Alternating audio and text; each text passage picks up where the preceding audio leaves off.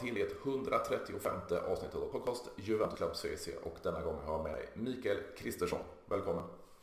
Tack så hemskt mycket! Shit, 135 det du på tempo. Ja, det var ju första året egentligen som jag körde två, tre avsnitt i, i veckan och sen sedan årsskiftet nu så det blivit ett i, i, i veckan egentligen. Så, så ja, första, första året så körde jag som in i helvete. Ja, gött. Och det är ju andra gången du är med. Du var med, jag kollade upp, 18 avsnittet. Så det är ju över 100 avsnitt sedan. Ja. Ja, men vi är med nästa hundrade gång igen.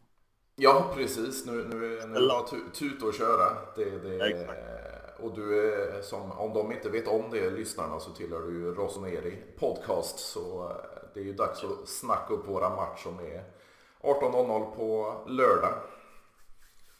Exakt. Hemmaplan för oss. Jajamän, och det, det ser ju lite olika ut för, för våra klubbar inom de första inledande matcherna. Vad, vad, vad känner du inför för matchen? Eh, fullsatt San Siro sen ett tag tillbaka. Milan har ju haft eh, en jävla äh, åskådare i antalet. Mm. Så det är mycket avstängningar och jag vet inte om Juve kommer att fylla sin del av läktaren. Men hemmaplan för Milan, eh, alltså som sagt det har varit helt okej. Okay. Vi eh, eh, har ju sett, eh, bortsett från Napoli så har vi ju vunnit eh, där, där, dessförinnan tre matcher, Empoli, eh, Zagreb och Sampdoria. Eh, med hemmaplan så är Milan, eh, alltså, jag skulle säga starkare, men nu, nu blev det svensk torsk mot, eh, mot Napoli. Jag kan tycka någonstans att givetvis är ju såklart färgad, men jag tycker inte riktigt att Napoli förtjänar tre poäng. Eh, Milan hade ju två eller tre virket dessutom och spelade ganska bra fotboll. Men eh, sen är det ju alla jävla skador Milan alltid åker på. Samma som nu vi ikväll spelar mot Chelsea borta. Jävligt tuff match på Stanford. Men match mot Juve är ju, förutsättningarna är ju inte eh, jättebra. Däremot så finns det ju förhoppningar på att Theo Hernandez är tillbaka.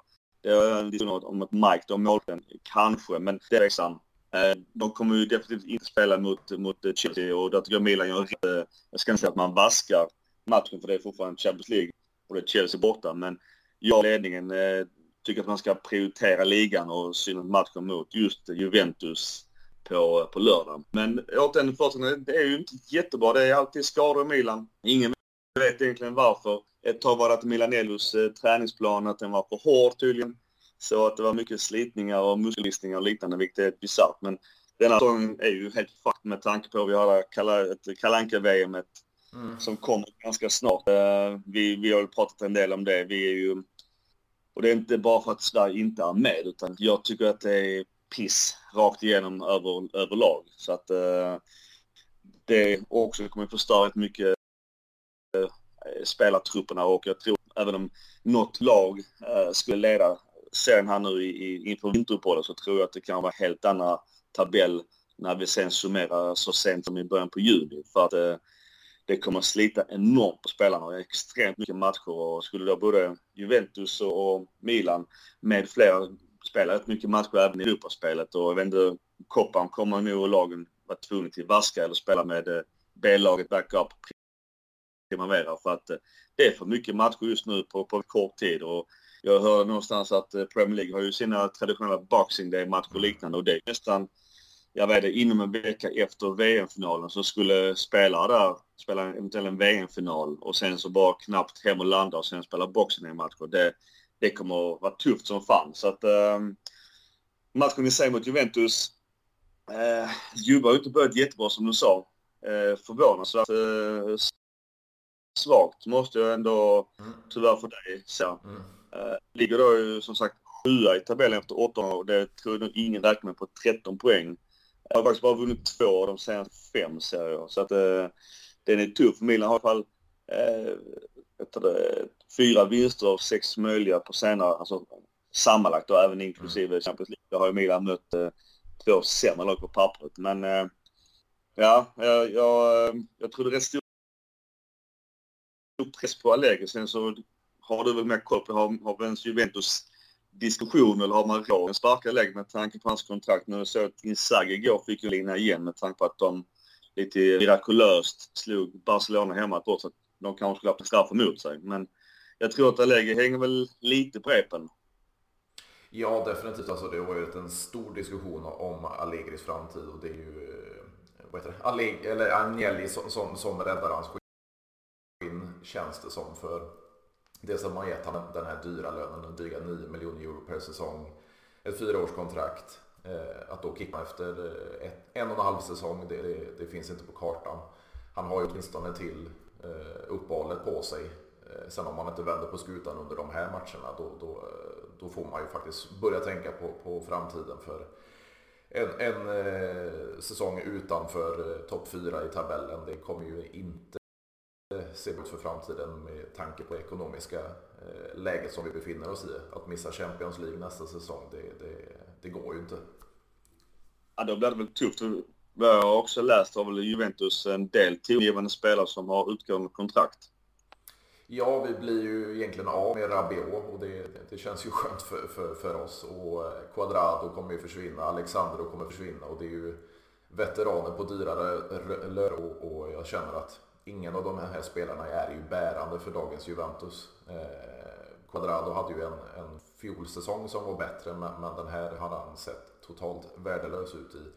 Alexandro har ju inte varit bra på tre, fyra säsonger. Eh, Rabiot har väl eh, varit bra var tionde match under de här säsongerna i Juventus om han inte varit skadad. Så, så eh, det är ju det är ju tunga spelare men, men eh, även tyngre löner som vi blir av med och, och kunna ersätta dem. Eh, det är ju den stora frågan för det är ju på ytterbackspositionerna som, som Juventus har det extremt tunt på. Ja, Milan gjorde ju Alltså, det är inte samma resa, det, det, är fel att säga det för det är orättvist mot Juventus. Men mm. någonstans så måste man ju börja om och, och se just lönestrukturen. Nu, nu är ju Milan ett, eh, ska man säga, ett pinnhål upp på eh, hyllplanet igen och börja så, förnya kontrakt som är lite dyra. Men de fick ju mer eller mindre börja om och, och börja titta på spelare och med kontrakt som var ju runt en miljon euro netto eh, etc. För, för att någonstans bygga för att det var ohållbart och Milan går ju fortfarande eh, back rent ekonomiskt som alla lag gör i, i heter det, på att säga Premier League utan i Serie A. Men Milan har ju ändå en sund ekonomi som har byggt och, och som, som, du säger, detta i Champions League är helt avgörande. Det är Milans andra säsong på nästan tio år. Och det bygger ju en eh, foundation, en grund som är lättare att ta avstamp ifrån. Och eh Eh, det i sig är något som Juve behöver titta på och Nedved och de grabbarna vad kan vi göra för att, alltså jag köper det, att man tar in en Rabiot som bossman. Men lönen han då måste konkurrera med när han går för just Paris Saint-Germain. Det blir mycket pengar och som du själv eh, säger mellan raderna, han har inte riktigt levererat det man trodde han skulle göra för Milan var också där och hög. Det är Milan Leonardo som sportchef som känner honom just från Paris. Men de sa det, vi kan inte matcha den lönen som han vill ha. Och, och en duktig spelare där och då. Det var ju, då var ju rätt mycket yngre och sågs fortfarande som en spelare som skulle kunna bli en, en alltså, tongivande spelare i franska landslaget. En, en någon Deschamps-variant.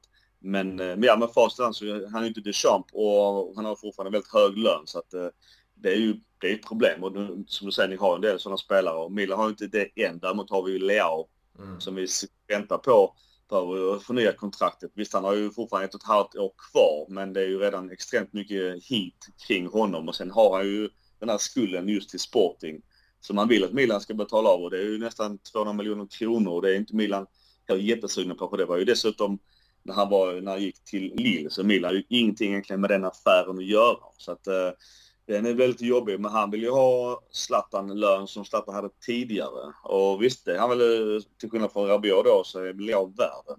Men det är ju, det är en snabb eh, berg och dalbana om man sen ska börja som leverera kontrakt som kostar väldigt mycket pengar och då kommer nästa spelare säga, men vad fan han fick sju, jag har bara två, jag vill ha i alla fall fem. Och sen är det ju tyvärr igång. Ja, det känns ju som, som de här spelarna de har ju inte någon självinsikt heller. Alltså, jag kan ju ta Rabiot då som, som typexemplet. Vi känner ju till hans, hans mamma tillika agent Ver, Veronique. Eh, och, och Rabiot var vi ble, på väg att bli av med nu i somras mot till eh, Manchester United. Eh, de erbjöd han åtta och det är ju mer än vad han har i, i Juventus. Men han vill ha tio. Och då, då ser man ju på det här, det är, det är ingen självinsikt. Alltså presterar du inte, då kan du inte kräva de här lönerna. Men, men, ja. men de ser det ju inte på, på, samma sätt. Det är klart de vill tjäna sina pengar men, men presterar du inte så får du inget intresse från andra klubbar heller.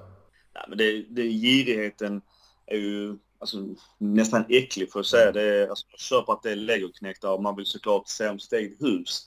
Men har du så mycket lön som man redan har i både dessförinnan i Paris och nuvarande Juventus så kan få ännu mera i då Manchester United. Det är ju inte heller dussinklubbar att få en spelare som Nej. kanske inte har den nivån. Så att han borde fan glatt bara ta det som det han får. Visst nu går han som bossman eh, till sommaren sa du. Mm. Men jag kan inte tänka mig att eh, mycket bättre klubbar än just eh, Manchester United skulle vara intresserade av honom.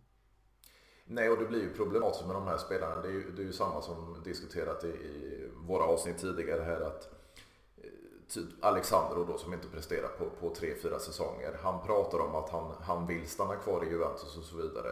Eh, men, men, presterar man inte så hur kan man stanna kvar? Vi gjorde oss av med Dybala som bossman, vi gjorde oss av med Bernadeschi som bossman. Vi, vi, vi, släpper de här spelarna nu som inte har presterat eller som sitter på höga löner och, och, och som du var inne på Milan har gjort, då, man bygger om en lönestruktur och, och, och sätter inte de här bossmanvärvningarna på extremt höga löner. Det finns ju undantag då med, med Di Maria på ett ettårskontrakt, eh, en Pogba då och så vidare. Men, men annars så försöker man ju ta in de yngre spelarna och, och komplettera då med äldre spelare på, på korttidskontrakt. Men som sagt, man måste ju fasa ut de här eh, sämre värvningarna som vi får tacka Fabio Paratici för framförallt. För, för det var han som satte oss i skiten. Nu, nu funkar inte en Kulusevski med Allegri. Eh, Bentancourt var på nedgång hos oss. Sen funkar de jättebra i Tottenham, men som sagt, vi måste fasa ut de här spelarna som inte håller för Juventus.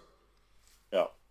Men annars just tillbaka till, till matchen i sig, uh, eh, av de som också är dumma nog att betta så kan man väl ändå mm. säga att, att Milan, om man pratar just Milan, att uh, det är ju inte ett lag som har gjort jättemycket mål i sina matcher. De har som de är rankade fjärde plats i ligan på uh, två, två mål. Som är, så att de kommer inte göra fler än två mål. Och Juve ligger ju ännu värre. De ligger ju på en och en halv mål. Så att det, blir ingen målrik match. Däremot så har ju varken Juventus eller Milan haft så många clean sheets. Så att eh, gissningsvis blir det kanske 1-1, 2-1 till något av lagen. För att eh, Milan har haft extremt svårt att hålla nollan faktiskt. Och då gjorde de ju extremt bra i fjol när de vann ligan. Och mycket av det var ju att defensiven satt ju enormt bra. Eh, och Mike då var ju alltså, fenomenal i mål. Nu är han skadad som sagt ju. Men även han har stått tidigare så visst inget, ingen skugga över honom för han har fortfarande gjort bra insatser. Men däremot har Milan släppt in mål och eh, vi har ju skador i eh, backlinjen också som du vet. Men eh, så det, det kommer nog stuvas om.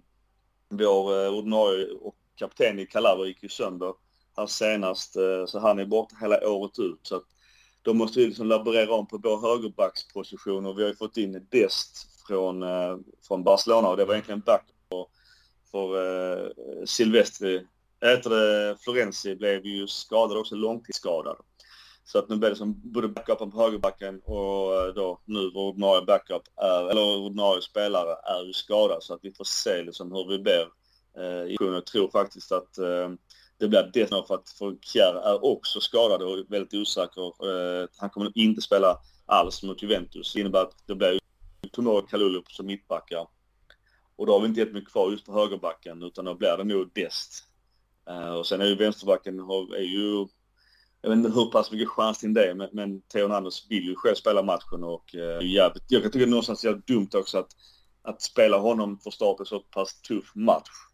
Uh, är, ju, är ju en chansning om att han är verkligen 100% För det är ju ännu värre om han kommer tillbaka tidigt och blir skadad ännu längre. Då är det bättre att faktiskt bara ta en match extra. För om jag förstår det rätt så just han slipper ju möta Di Maria eller är han avstängd mot, mot oss? Han fick väl rött senast? Jajamän, både Bologna senast och Milan är han avstängd. Så, så nu slipper han. Och sen har ju Milik eh, lite, lite skadekänningar så han ska inte spela ikväll tror jag mot eh, Maccabi Haifa. Men, men, han kan nog vara tillbaka mot, eh, mot er på lördag. Ja, just er offensiv är ju, den är jobbig. Att Milik och Vlahovic är ju extremt duktiga anfall. Jag såg faktiskt Milik när han spelade i Olympic Marseille. Mm i, i maj månad. Jag var där nere med frugan och såg, eh, ja så vi, vi var i Marseille och passade på eh, att se fotboll. Det var jättekul att se. Det var sista gången var fullt hus på velodromen. Men Milik är ju en jobbig jävel att möta. Eh, Vlahovic är väl lite mer rörlig. Eh, Vlahovic är väl jag ska alltså, alltid det är svårt att jämföra med Zlatan, men, det finns ju rätt mycket likheter med Zlatan i vad jag kan tycka. Och, och det är ju, får, ni nu väl ihop de två så kan ju definitivt Djurgården börja klättra i tabellen för att det är ju extremt duktiga anfallare. Ja, det är ju det. Vi har haft lite problematik framförallt med, med skadorna. Vi, vi tog in Di Maria som gör mål i debuten och sen har han varit skadad. Eh, mm. Moise Keane går ju inte att diskutera för det, han är ju eh, totalt under isen. Eh, och, och, då var det ju problematiskt i och med att Keso varit borta sedan sen i januari, är på väg tillbaks nu då. Men, men anfallstrion som vi oftast har kört med har ju inte fungerat. Men när vi tog in Milik som många, inklusive mig själv, ansåg som, som en lite C-lösning till och med, så har ju överraskat stort faktiskt. Eh, och det kommer ju bli en väldigt billig peng om vi köper loss honom. Ja, men det... Så han kan ju Serie A sen tidigare. Han var ju mm. duktig i, i Napoli. Där blev ju en tung skada i Napoli. Men till och med två skador som var ganska avgörande. Men, men jag kan tycka någonstans att när han lämnade för Olympic Marseille, det kändes ju som ett steg ner. Och det är det såklart också jämförelsevis med, med Napoli. Men jag tycker att han har studsat tillbaka jävligt bra och eh, får lägga på honom. Det, det är ju problemet det med Juventus, vad, vad, vad jag vet. Eh, till skillnad från Milan har vi ju ett ganska välfungerande mittfält. Jag tycker mm. någonstans att eh, Juventus mittfält inte är lika välfungerande. Men eh, spelare som, som jag trodde skulle bli extremt duktig, det är ju han Arthur. Nu är han på lov i, lån i Liverpool och redan där verkar det krackelera. Han verkar ju vara en spelare som har problem med, med livet utanför plan. Eh, jag ska, jag ska inte säga typiskt brasse för det låter lite fel. Men han gillar ju verkligen eh, andra sidan myntet av fotbollsproffslivet, tyvärr. Ja, och, och eh, vi, de flesta var ju inne på det, alltså när man bytte mot Pjanic. Jag tror det skiljer åtta år emellan dem. Eh, det skiljer väl 10 miljoner euro eller 15 miljoner euro i värderingen av spelarna. Så vi tänkte så här, nu får vi in en riktigt bra spelare. Men den här tiki-taka-fotbollen som man är indoktrinerad i från, från Barcelona-tiden och även hemma i Brasilien då, det, det, det fungerade inte i Juventus. Och, eh, ja, jag störde sig väl på, han kunde ju inte göra en vertikal passning överhuvudtaget. Så, så, så den värvningen blev ju en riktig flopp och, och, eh, nu när han är i Liverpool som du nämner där, han har ju spelat för deras eh, U21 eller U23-lag snarare än seniorlaget för, för han är, inte i form. Ja, det är ganska sjukt. Sen, sen annars så, just Bentancourt tyckte jag också var jävligt duktig när han var i Juventus. Men det som du säger också när vi pratade sist tror jag att, att hans utveckling där och då blev ju också ganska snabbt dalande. Och då skulle den ersätta alltså, helt plötsligt en väldigt duktig försvarsspelare och jag tror att där har inte riktigt Juventus fått in rätt träff. Så menar Milan har ju då både Benazzo och eh, synnerhet då Tonali har ju mm. gått jättebra. Vi, tappade ju tyvärr Kessie återigen till giriga legoknektar. Mm. Eh, och det var ett stort tapp för oss såklart. Sen har vi liksom krigat just med vår AMC-position och just vi har fått in den här unga belgaren i Charles Cutler ju, mm. som är ju en enorm talang och alltså, jag kritiserar lite i vårt senaste avsnitt för jag tycker att det händer fortfarande ganska lite kring just, just den positionen. Sen om det är han i sig eller att det är faktiskt vår eh, Pioli att rent taktiskt sett att det är någonting som inte riktigt helt eh, är smidigt. Att hjulet snurrar inte helt eh, kliniskt kan jag tycka i den positionen. Och att eh, Diaz också som annars är ja, backup, jag vet inte vem som är backup av dem egentligen. Diaz har nummer 10 men eh, det, det, vi har för lite poäng just på vår AMC-position vilket jag kan tycka är, är ju avgörande svårt.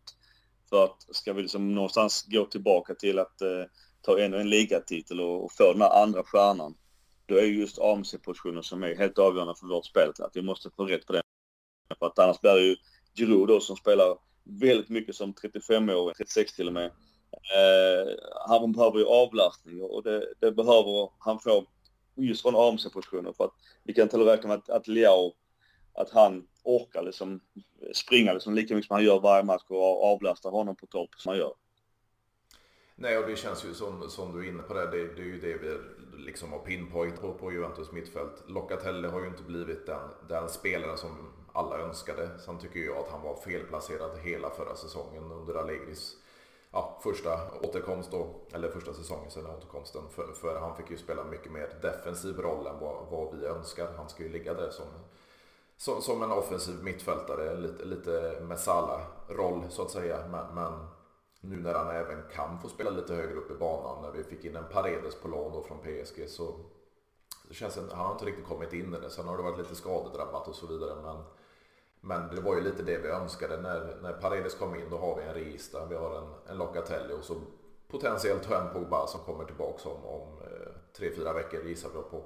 Eh, men som du säger, det är ju mittfältet som har varit problematik för Juventus de senaste säsongerna. Jag läste, och då har du såklart bättre koll på mig, att eh, Allegri snackar om någon 3-4-2-1 mm. variant i taktik. Just att ha då när Pogba är tillbaka, att han och Di Maria är bakom då. Förmodligen då blir det Vlahovic. Mm. Och det är synd för då blir det ju Milik som får stå åt sidan. Men jag vet inte hur fan är egentligen Pogbas form? Uh, visst, jag förstår att han är skadad just nu, men det kan ju i värsta fall för er del bli en ganska lång inkörningsperiod. Så att också man ska spela ny taktik och har varit ganska kall ett rätt bra tag i Manchester United. Mm. Ja, definitivt. Det, det, det, var ju en rejäl chansning att ta tillbaka Pogba.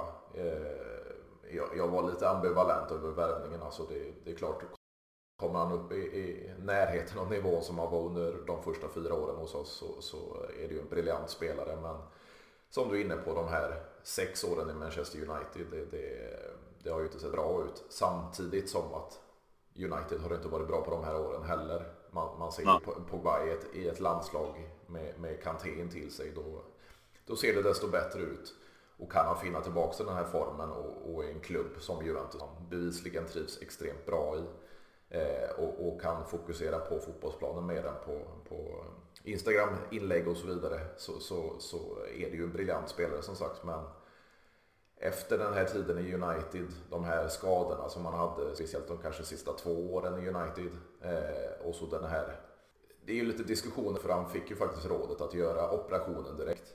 Eh, mm. Nu gjorde han ju någon konservativ behandling istället och det var ju någon som uttryckte att det, det kan till och med bli ett värre så nu tvingades han till en, en operation.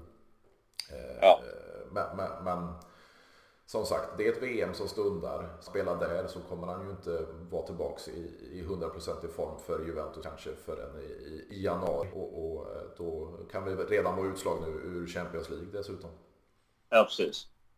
Jag tror det, är, det är ett bra lån ni uh, skeppar iväg till United. Ni fick ju mycket pengar för lån för att han kommer tillbaka även gratis till er. Jag vet inte, mm. han verkar ha kärlek just till Juventus. Och det, det är som du säger, Pogba, vi är inte han aktuell såklart inför lördagens match, så det är kanske en icke-diskussion. Mm. Men det är ju ändå en uh, spelarprofil som ändå är ju ändå lite alltså, stjärnvärvning i Serie A. Så att det är ju en intressant spelare att ha en enorm högsta nivå. Sen är det som du säger, det är väldigt mycket fokus på massa skit omkring och eh, alltså jag kan tycka någonstans att uh, fan ha fokus på fotbollen när du väl är i din aktiva karriär. För det är lite det som också är, är, är vem du är. Liksom det, det, märker vi också nu att, att Leao börjar så modella för att konstiga kläder. Han kör liksom lite så, sin egen rap-grej. Och vet, ett tag märkte man att han var sjukt ofokuserad och, och spelmässigt, han är mycket yngre och mycket mer orutinerad där och då. Men det påverkar hans fotbollsprestationer eh, enormt mycket. Så jag tror att, eh, visst nu är Pogba mycket mer rutinerad spelare, han är van vid den här kommersen och gillar ju såklart att ha trams runt omkring men överlag så, förutom då den här girigheten så tror jag att det är väldigt viktigt att spelarna har sin fokus på just fotbollen. Det, visst, det är, det är lite så att slå in en öppen dörr. Mm. Men annars är det mycket när de inte har det. Jag tycker synd att de yngre spelarna att de faller i sina prestationer ganska tydligt. Ja, definitivt. Och, och, det känns ju som det här fokuset, det, det är ju lite det som vi varit inne på med, med Moise Keane då. Eh, han hade ju en extrem utveckling egentligen under Allegri, hans eh, tidigare sejour. För det var ju då som han eh, gjorde mål i eller mindre varje match som han kom in i. Han fick spela för landslaget och så vidare. Sen gjorde han den här flytten till, till Everton, floppa totalt. Gick till PSG, eh, där de flesta gör mål. Gick tillbaka till Everton, floppa igen. Och så blev det en paniklösning för oss när, när Ronaldo lämnade sent under fönstret. Och, och, och jag vet inte vad som har hänt med, med det psyket men, men självförtroendet måste ju vara totalt i bott för, för eh, han gör ju ingen glad en enda sekund när han kommer in eller får starta. Jag förstår inte, för jag tycker ändå som sagt Everton var han ju sjukt duktig och är ju en italiensk landslagsspelare och har en enorm höjd också när, när han väl vill och kan. Så jag vet inte hur det är med idrottspsykologin för hans del och kanske överlag i Juventus. Nej, för det är ju lite, det är lite intressant att, pr att prata om just det också. För, för, ni har ju en erfarenhet av, av Massimiliano Allegri. Vad, vad, vad, känner du om du tar första fem åren i Juventus? Nu hade han ju ett tvåårigt sabbatsår så att säga. Eh, kommer tillbaks förra säsongen. Det var ju långt ifrån önskat resultat och det ser ut som det gör nu inledningsvis. Vad, vad, vad känner du för Allegri som, som en ledare, som en, som en eh, metodiker eller vad man ska kalla det? Vad, vad, vad tänker du kring, kring hans arbete? Alltså, Allegri har ju enorm kunskap. Jag menar, han har ju... Alltså det är bara att se hans titelskåp så... Det är svårt också i honom och det är också därför Juventus gav honom en hög lön för att det kändes som ett säkert kort. Och inför så tror jag ingen heller ifrågasatte valet Juventus gjorde att ta in Allegri på så många år med den lönen. För att Allegri har alltid levererat. Han gjorde även det i Milan, förutom sitt sista år, när mycket annat också gick tyvärr eh, sämre. Och mm. jag ska inte heller göra en parallell till hur det är med Juventus idag. Eh, men det är ju det här med alltså, spelartruppen, att få med den och börja det skava. Nu vet inte jag hur det är liksom åt den med moralen och och psykologin och ledarskapet och hierarkin i Juventus. Men när det började liksom rucka på sig, lite det som även hände då i eh, Milan när hans period eh, i slutet. Mm. Att resultatet gick inte sin väg.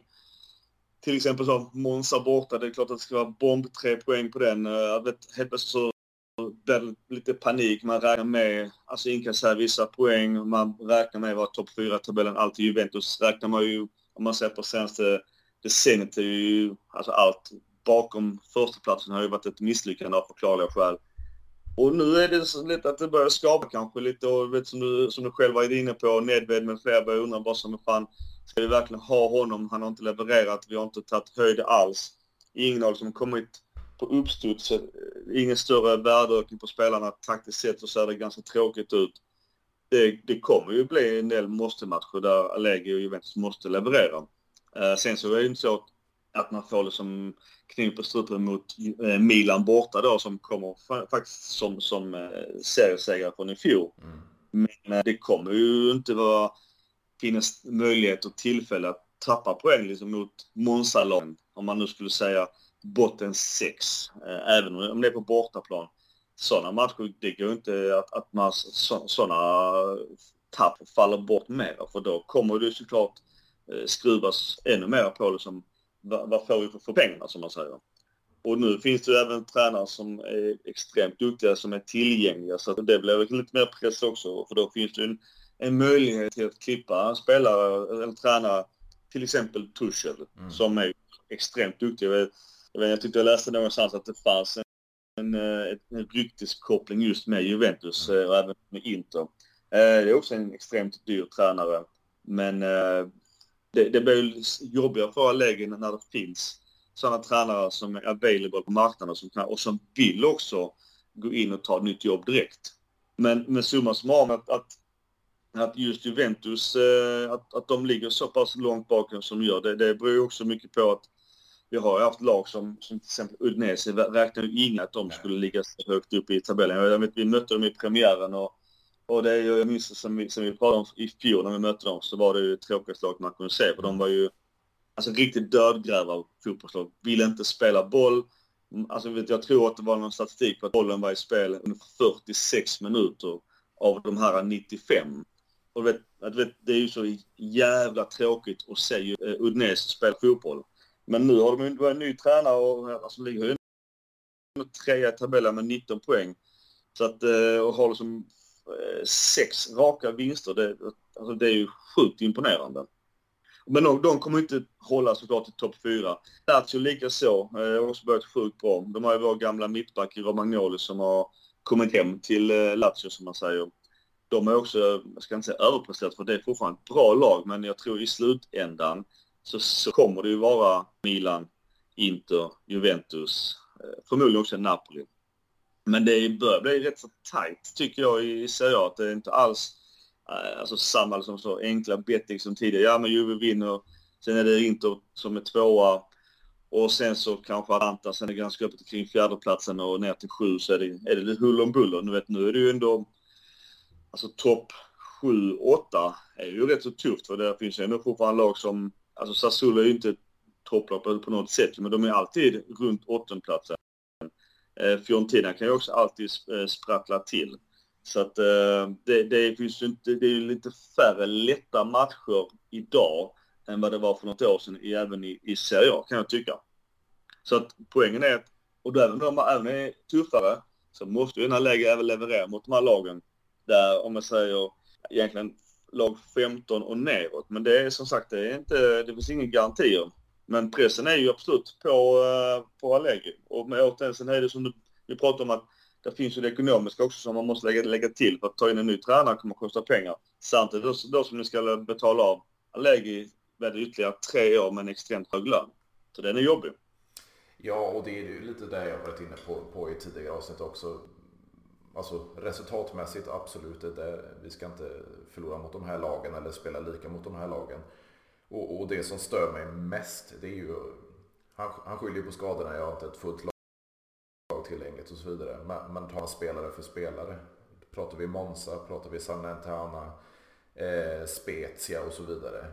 Är vi spelare för spelare fan mycket bättre än de här lagen och det ska inte se ut som det gör. Sen att vi inte har något spel, att eh, Allegri inte sätter en start eller en formation och så vidare. Vi har ingen spelidé. Det, det, det, det kan jag väl köpa på, på, på ett plan men som sagt spelare för spelare då ska vi kunna besegra de här lagen ganska komfortabelt också. Och sen, sen vet man inte heller just matchen på lördag. Juventus går väl in med tre poäng mot Haifa och vet inte hur det kommer bli för Milan. En tuff match borta mm. mot eh, Chelsea som sagt. Det, det kan vara helt äh, olika ingångsvärden. men det, hur mycket de kan ruska av sig. En förlust i Champions League. Nu möter som sagt Chelsea borta är inte det kanske den matchen man, man så sitter och budgeterar på tre poäng. Men eh, det kan bli en, alltså moraliskt sett så inte går, även hur, hur fult eller snyggt man än vinner så kan det vara en moral som antingen höjer eller sänker. Det är samma visst, det är den pressen på Juventus för att man förväntas såklart slå Maccabi Haifa, givetvis. Eh, skulle som då att det eh, är grus i maskineriet och visst, kommer man undan, undan med en eh, pissig 1-0-seger, då är all good. Men skulle inte få i alla fall tre poäng och sen komma in och möta Milan borta, fullsatt San Siro. Det är tufft. Det är, den mentala biten, det är mycket jobb där. Ja, och det känns ju ändå som, som ni har en, en stor fördel för, för spelet fungerar bättre för er i ligan. Ni har fyra poäng innan kvällens match då i, i Champions League medan vi tvunget måste ta sex poäng mot, mot eh, Haifa två matcher nu. Eh, mm. och, och, det är ju Milan, sen har vi även ett eh, Derby della Mole mot, mot Torino stundande. Eh, Torino kanske inte tuffaste motståndet men det är ändå ett, ett, ett derby för oss. Så Allegris kontrakt, det, det, det är klämt på spel i min mening. För, för som sagt, ligger man så pyrt till i Champions League redan nu, alltså ett uttåg ur Champions League redan i gruppspelet efter eh, vi har åkt, åkt ut i kvart, åttondel, åttondel, åttondel de senaste fyra åren. Mm. Går vi inte ens vidare från ett gruppspel och sen så får vi tampas om, om en fjärde plats i, i, i ligan. Eh, de här pengarna vi har lagt på, på spelare nu och, och på Allegri då, det, ja, det kommer ruska om i, i ledningen minst sagt. Just Benfica då som också är eh, tredje lag, eller tredje fjärde laget i, i gruppen då. Det är ju inte eller jättelag att möta lag från Portugal är ett helvete. Paris är väl, de är väl nu ganska ohotade etta i er grupp men det är inte en jättelätt grupp. Alltså visst, Haifa ska ju vara slagpåsen så det är ju därav enorm press på just Juventus ikväll att ta hem de här tre poängen och komma liksom med någon form av moral till eh, San Siro. Men eh, ja, alltså, som sagt, det, det är... Eh, om, om vi vänder på det. Hade du själv velat Eh, bli av med Allegri? Jag har vridit och vänt på det här. Alltså, just nu finns det inga lämpliga ersättare för en, eh, ja, en, en lagom peng så att säga. Du, du nämnde Tuchel. Eh, och det känns ju som här att Juventus ska gå den vägen en gång till. Alltså man försökte sig på någon, någon, lite mer offensiv, lite mer flärfull och kreativ fotboll med Sarri. Man gav det en säsong utan material för hans spel och kickade. Sen tar man in Pirlo, kickar han. Tar tillbaka Allegri för, för att återställa det hela. Skulle man då ersätta med en tränare som Tuchel efter ja, knappt en halv säsong då, då, då, känns det som man är ute på djupt vatten igen. Eh, ja. och, och sen har vi, vad har vi mer? Vi har eh, möjligtvis en Deschamps då. Eh, som, som ledde oss under eh, säsongen i, i Serie B och tog upp oss efter Calciopoli. Eh, det är ju ett namn som, som skulle kunna funka. Men sen, vi, vi tappar ju en, en potentiell i Dicherbi då som gick till Brighton. Också en, en väldigt modern och offensiv tränare. Så, så de som sitter på, på eh, sidlinjen och, och möjligtvis skulle kunna ersätta honom. Det är väl inte alternativ som jag vill ha in. Så Allegri kommer nog sitta säsongen ut. Eh, Eh, eh, det är traditionellt i klubben också att man, man brukar ju inte kicka tränare mitt under säsong. Men, men eh, nej, jag tror det, det är potentiella ersättare som stoppar han från att förlora jobbet. På tal om Cherby, så hans nedtagning i matchen mot, vad var det, Liverpool? Ja, ja, ja. ja. Alltså det var fan world fucking class shit alltså. Men jag tänkte på just eh, alltså, det här med sparka tränare mitt i säsong. Det är ju väldigt sällan också det ger resultat. Man vill ju någonstans, jag förstår tanken med det. Jag vet att MFF gjorde också det som jag följer här hemma i Sverige. Det ger väldigt sällan resultat det man hoppas. Sen kan jag också förstå någonstans, ja vi behöver en ny röst. Vi kanske har kört fast, tränaren kanske har förlorat omklädningsrummet och allt det här som vi inte har egentligen någon större koll på utan vi bara kan spekulera. Däremot är det väldigt sällan att det ger resultat och sen eh, frågan är, alltså Allegri, alltså han har enormt mycket kunskap, enormt mycket erfarenhet. Han kan ju Juventus, han har varit där i sjukt många år. Eh, jag vet inte, jag, ska inte säga att det är till hans nackdel, för det borde egentligen vara till hans fördel, men någonstans kanske han är så säker i sina egna mönster och linjer att han bara så, nej men jag har, har gett mig så många ligaguld, så varför ska jag ändra på någonting? Men så funkar det inte nu. Så vet inte, han, alltså jag förstår att han har alltid en plan B, C och D etc. på alla positioner och taktik och hur man vänder spelvändningar och hur vi gör i counterattack, hur vi försvarar oss. Alltså allt det här, han kan ju den här boken utan till definitivt. Men risken är någonstans att han blir hemmablind och någonstans kanske inte vill skruva om. Därför blir jag, jag ska inte bli glad för det, men jag tror precis det han behöver göra, kanske Juventus. Sen är det ju en chansning att han bör laborera till en 3-4-2-1 eh, variant. Alltså det är ju nästan som Milans gamla julgran, fast mm. lite annorlunda. Och återigen, det är ju en chansning. Eh, någonstans kan man tycka någonstans, ja men har vi spelare som Di Maria och Pogba, det är ju spelare som har en, ett enormt lyft och en högsta nivå. Däremot, eh, som vi pratade om tidigare, hur är Pogbas status idag? Eh, är den kan han komma tillbaka till gammal Juventus-form och man ska inte glömma när han var Juventus senast. Eh, det tror jag sa till och med senast när vi snackade senast att spela bredvid Vidal och Pirlo. Då hade fan till och med jag kunnat leverera rätt så mycket för att eh, det, måste varit eh, så jävla skönt att ha de två kring sig. Sen tar jag ingenting ifrån Pogba. Jag bara, han har inte Pirlo och Vidal runt sig idag. Och det är ju rätt jävla avgörande. Ja, definitivt. Och, och det känns ju som Paredes tar den registerrollen som, som vi har saknat. Sen är han ingen Pirlo. Han är, eh, man får väl nästan kalla det för reject i, i, i PSG. Sen tillhör han argentinska landslaget och, och, har en bärande roll där. Men, men det är ingen Pirlo. Eh, och, och det, det, ska ju vara motorn på vårt mittfält. Om vi nu ska ha en, en Latelli fram till, vi ska ha en Pogba fram till så behöver vi motorn där. Och, och eh, det, det återstår att se om Paredes räcker till. Alltså Paredes är ju en eh, alltså, jättebra spelare. Men eh, som du säger, en, det är ju det är en reject från, från eh, Paris. Sen har de ju en enormt stor trupp och lite väl mycket muskler kan tyckas att de kan liksom nästan vara vaska spelare. Eh, likt då Paredes med flera. Sen eh, är ju stor frågan just Italiens eh, landslagsman och vår primavera i Locatelli. Hur, hur, ska man placera honom för, för att få ut det mesta av honom? Eh, där jag är fortfarande lite bitter över att Leonardo skeppade honom till Sassuolo utan någon form av återköpsklausul eller egentligen någonting annat utan bara, bara som så casha in för att klara financial fair play Eh, för en sportstil på runt 12-13 miljoner euro. Det, det, är ju jättedåligt. Eh, för att han hade varit perfekt i dagens Milan. Och eh, det är ju frågan så hur ska Juventus spela honom för att få ut det mesta av honom? För att vad jag har sett också i, i statistiken så har inte han varit jättetongivande i alla fall om man bara tittar blint svartvitt i statistiken.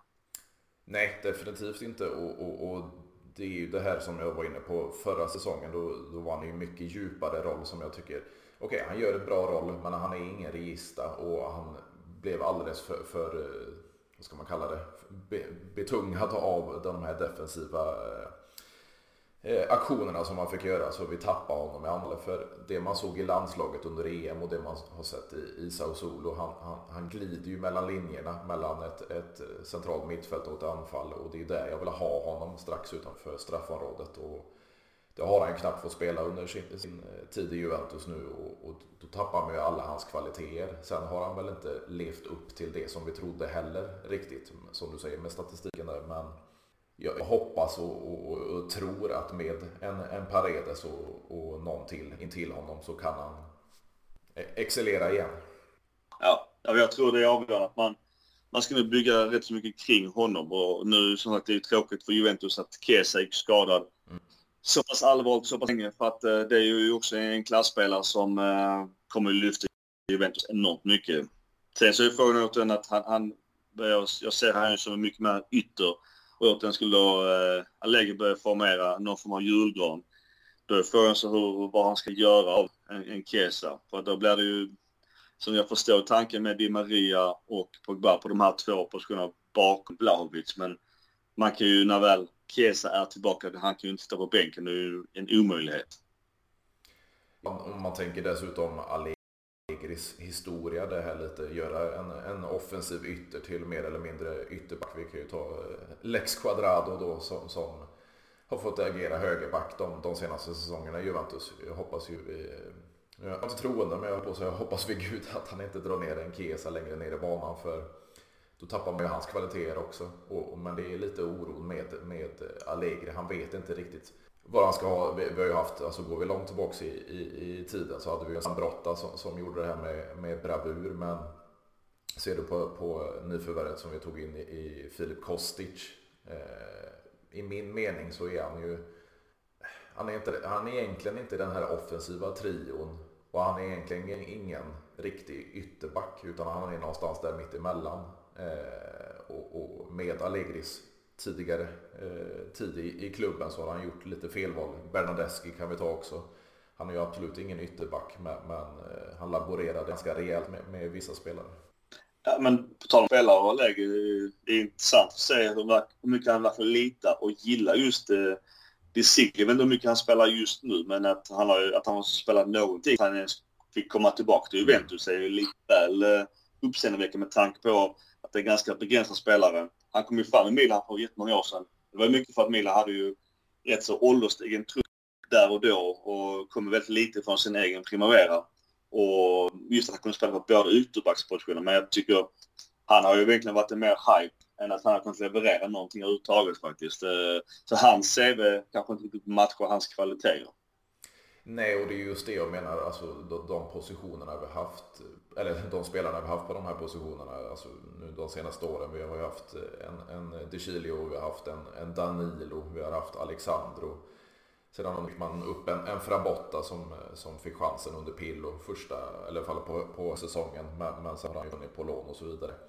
Vi tog in en, en Andrea Cambiasso nu, eh, så lånade ut han direkt till, till just Bologna som vi mötte sist. Vi hade eh, Luca Pellegrini som vi bytte till oss från eh, Roma med, med Leonardo Gazzola åt andra hållet. Så, så den här positionen till vänster eller till höger, det, det, är ingenting som, som klubben har satsat på de senaste åren. Eh, man kan till och med gå tillbaka så långt som, som vi hade en Lichsteiner på, på höger och, och eh, en Patrice Evra till vänster. Eh, efter den här tiden så har vi inte haft kvalitet riktigt på, på dessa positioner. Nej, men just ytterback är ju jävligt svårt att hitta. Alltså det, det känns som att, alltså, synnerhet vänster ytterback är ju... Ja, hittar man sånt så ska man vara jävligt duktig, jävligt nöjd med det. För det, det känns som att det är svårt att hitta det med en alltså, hög kvalitet. Ja, nu, nu har jag haft det riktigt bra, bra med, med Theo där, men, men eh, ja, som du säger, det är svårt att hitta dem och när man hittar dem så, så eh, kostar de efter det också. Ja, jag, jag kan tänka mig att uh, hitta en vänsterback som går in i topplag rakt upp och ner idag. Det, det kostar nog väldigt mycket miljoner för att det som du säger, det, det är en position som är svår och eh, ja, det finns inte jättemånga som är på rak arm bara men det, det, där är världsklass. Det, det är inte jättemånga. Men bara just då tillbaka till, till Bernadeschi, han tog också lite ny start med just eh, Allegri. Jag trodde ändå att han skulle stanna kvar i Juventus men det blev tydligen Kanada istället. Ja, precis. Han har ju blivit rejält hypad där borta i, i Toronto. Och, eh, det, det, känns som det är hans eh, personlighet att spela där borta i MLS för, för eh, i Juventus. Det, det, det, var väl möjligt första halvåret i klubben som, som det såg bra ut. Och, och eh, man, man trodde lite på hypen från Fiorentina men, men de senaste tre, tre och en halv säsongerna därefter så nej, det har inte sett, sett speciellt bra ut. Sen ska man väl inte lägga allting på honom för som sagt han har laborerats på helt eh, upp i anfall, eh, ytter, ytterback och så vidare. Så, så eh, han har inte spelat på sin naturliga position men, men, samtidigt har han ju långt ifrån briljerat. Det var väl fem mål på, på fyra säsonger tror jag. Så gick Kesa in och gjorde mer på, på debutsäsongen. Så det är lite, lite olika mellan dessa spelare som ändå var Florens stjärna när de, när de lämnade för Juventus. Men om vi säger eh, matchen i sig, om vi går tillbaka till den. Vad, vad, vad, tror du om eh, utfallet lördag kväll? Ja, alltså, om vi tittar spelmässigt nu mot Bologna så en gnutta bättre ut. Men resultatmässigt som, som eh, gjorde den. Det, det, är ingen större spelidé. Vi har ingen satt formation egentligen utan Allegri går tillbaka lite till ett, ett 4-4-2 egentligen och, och då har han ju en Milik och Ovlaovic där framme men eh, ja, det återstår att se om han går tillbaka till, till, sin säkerhet och sen fick vi ju se både Locatelli och Rabiot tillbaka i, i, startelvan och jag tycker inte någon av dem var speciellt bra. Eh, framförallt inte Rabiot för, för eh, han ser lika nonchalant ut som han gjorde innan, innan bekymren. Så, så ja, får vi inte till något spel. Eh, vi får ju se matchen ikväll också mot, mot Haifa hur det ser ut. Men, men ja, som sagt, vi har ju ingen Di Maria mot er och, och eh, det, det, det, det, ser inte bra ut spelmässigt. Sen kanske inte ni är i, i bästa möjliga form heller, men, men eh, det är på eran hemmaplan. Så, eh, jag tror på, på en förlust och möjligtvis ett, ett, ett oavgjort resultat. Ja, just från Milans synvinkel så Alltså Empoli borta är ju en, en, match som är svårare än vad man tror faktiskt. Att vi vann också i fjol med, jag tror det var 4-2, nu blev det 3-1. Eh, däremot så blev det ju ett sväng i match, men det var ju också en moralseger med tanke på att vi vände, eller vi tappade ju matchen också på övertid. Eh, från en ganska säker seger eh, till att helt plötsligt var det kryss och sen så gör vi två mål till på övertid. Så, så moralen utifrån den matchen är ju ganska hög. Och alltså lagmoralen överlag i Milan är ju faktiskt bra. Fast då vi har släppt in lite väl mycket mål för att vara just, och då har man ju en dum jämförelse med året dessförinnan.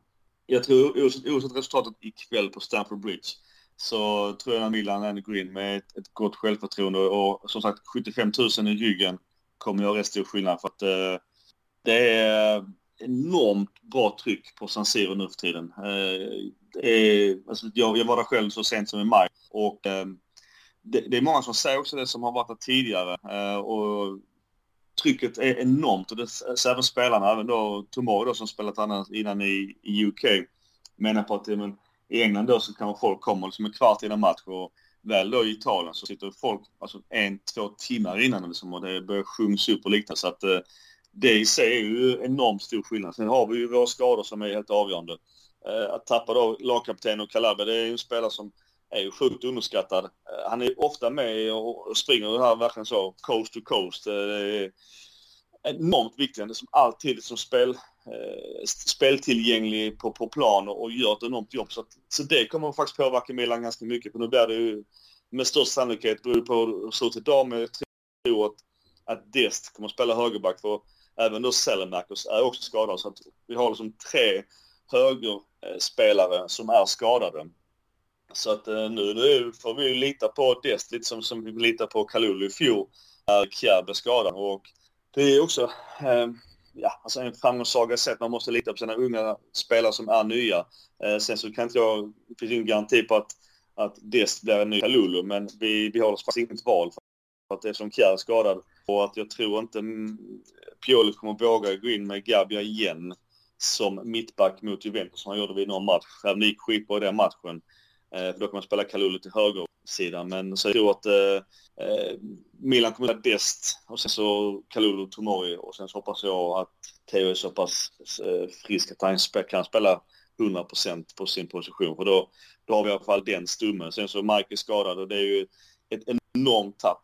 Tatrosano är ju en mycket, mycket sämre målvakt. Så, att, så, så, det kommer vara avgörande. Men jag, jag, jag vill någonstans, nu ska man inte jinxa, men jag tror att Juventus har mera huvudvärk än vad Milan har. Så jag tror att, och ni har ju mycket mer press på er och så inte har. Så att jag tror att den pressen i sig kan ju kanske bli nästan lite, eh, jag ska inte säga förlamande, men det är ju enormt tufft att spela med den pressen som, som spelarna har. Så att då, som du var inne på, matchen ikväll är avgörande. Milan kan ju åka till London ganska avslappnade. Medan Juventus måste ju ta tre poäng mot Haifa. Så att skulle det som står 0-0 efter 60 minuter, då, då måste ju Juventus verkligen så trampa på eh, all in. För att eh, det kommer ju bli ett helvete för, som vi pratade om tidigare, med Allegri och Juventus om de inte drar tre poäng i den eh, Champions League-matchen.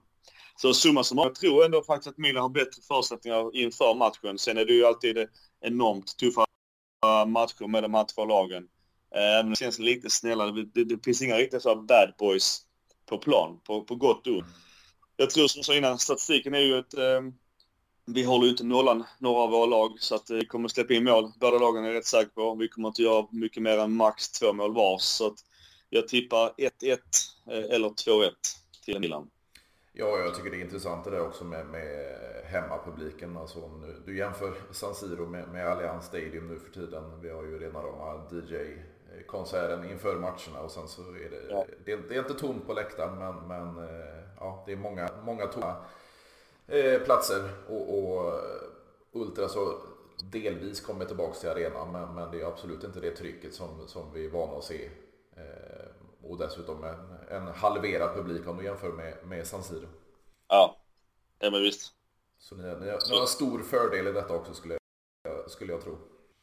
Ja, publiken gör väldigt mycket. Det är vad man gör. Det är vad man tror. Absolut. Absolut. Men stort tack Micke för att du ville vara med och köta igen. Så eh, jag önskar dig lycka till ikväll men inte lika på, på lördag. jag säger detsamma Fredrik och kör hårt så får vi höra sen om 100 avsnitt. Absolut, det gör vi. Ha det gött! Samma. Trevlig helg sen. Samma. Hej. Tack, hej.